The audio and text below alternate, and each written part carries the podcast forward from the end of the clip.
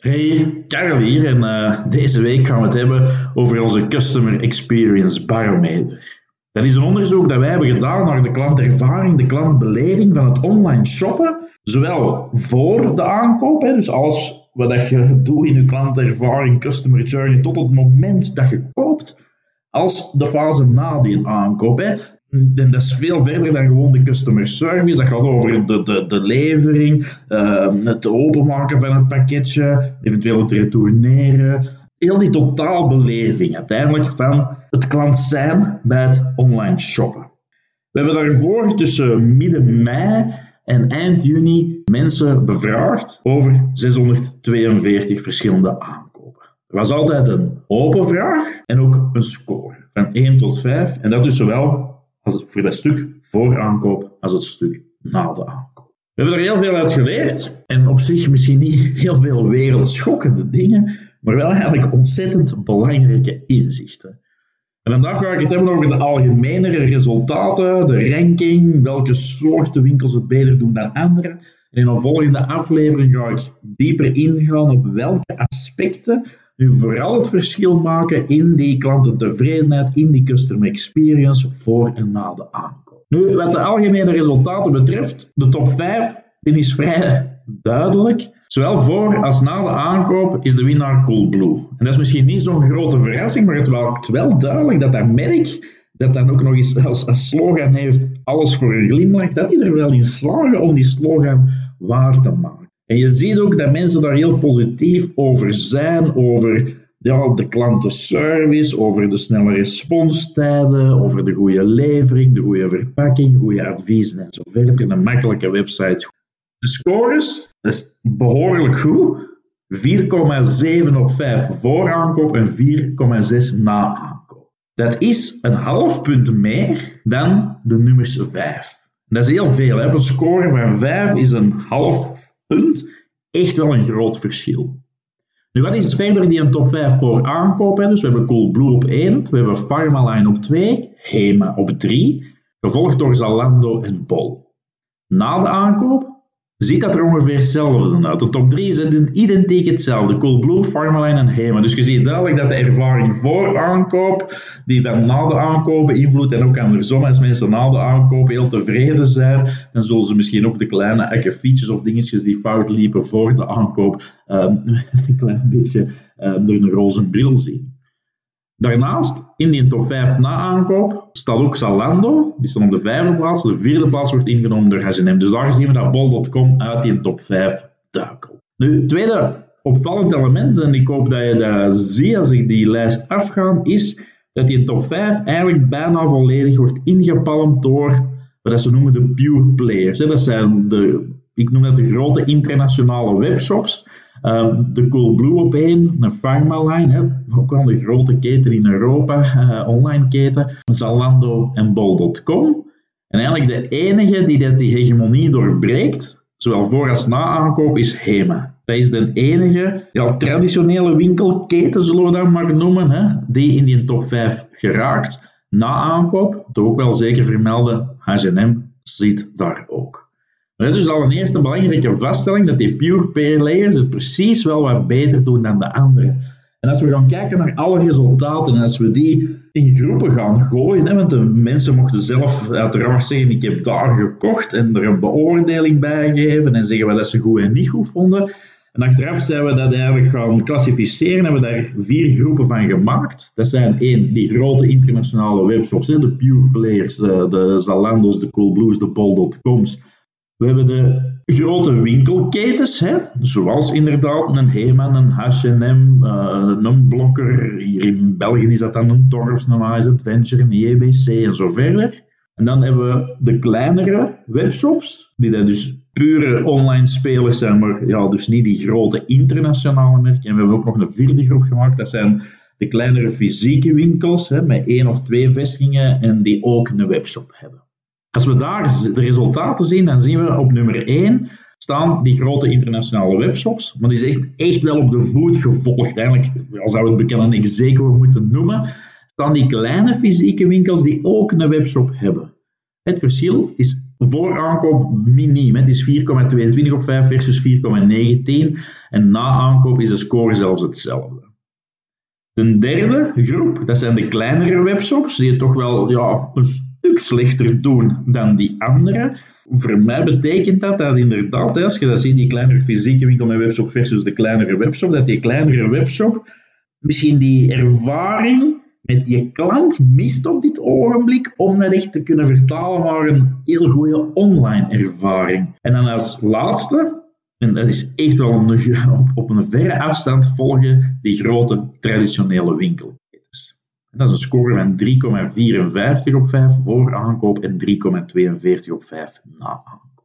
Belangrijke conclusie, die grote winkelketens die scoren veel slechter dan die nieuwere pure online players. Dat is eigenlijk wel een beetje jammer en vreemd, want uiteindelijk zijn die winkels toch voor een stuk groot geworden, omdat ze in de echte wereld, de offline wereld, hun wereld toen, waarschijnlijk wel een heel goede klantervaring hadden, dat ze toch een nood hebben ingevuld en blijkbaar kunnen ze die klantbeleving, die klantervaring niet vertalen naar online en daar hinken ze dus duidelijk achterop bij al die andere groepen en zeker tegenover die grote internationale webshops.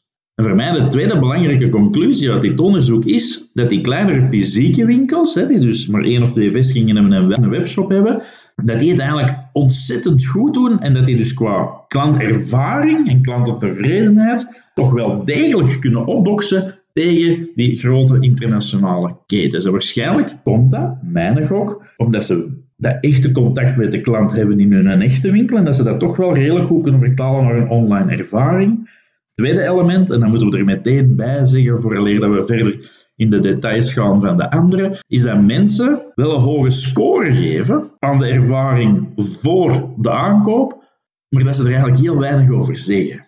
En ons aanvoelen is, dat gaan we moeten zien als we dit onderzoek binnen een maand of zes nog eens gaan herhalen, dat er misschien toch een beetje impact is van COVID-19, de lockdowns en het feit dat er overal wordt opgeroepen om uw lokale winkelier, lokale handelaar te steunen en dat er daardoor misschien een soort ja, van goodwill is, een minder kritische houding is tegenover die kleine lokale winkels dan tegenover die meer bekendere, eh, grotere uh, merken. Het is wel duidelijk dat na de aankoop de mensen echt wel positief zijn over die ervaring. En wat daar opvalt is dat klanten vooral spreken over de correcte levering, de juiste levering, de snelle levering. En heel belangrijk, persoonlijke communicatie. Er wordt heel vaak gesproken over een kaartje erbij, een apart een e-mail dat we hebben gekregen. Dus dat persoonlijk contact speelt daar een belangrijke rol. Dus dat is wat die kleinere fysieke winkels blijkbaar heel goed doen. Als we gaan kijken naar die grote winkelketens, waarom dat die zo slecht scoren, dan zien we dat dat vooral te maken heeft met slechte communicatie en slechte service.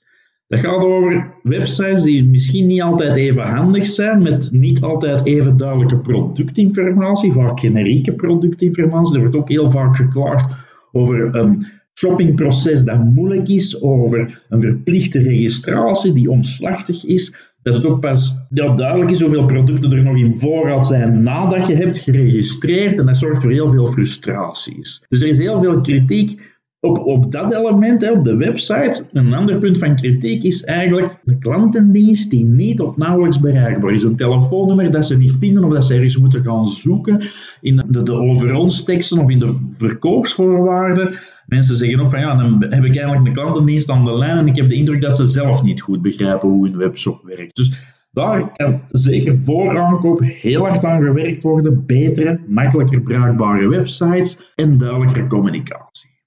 Na aankoop, en ook hier weer, het is misschien een beetje door COVID, maar ja, daar heeft iedereen hier zo gezegd last van in die periode, zien we dat die grote winkelketens vaak hun beloftes over levering niet kunnen nakomen. Mensen klagen over lange levertijden.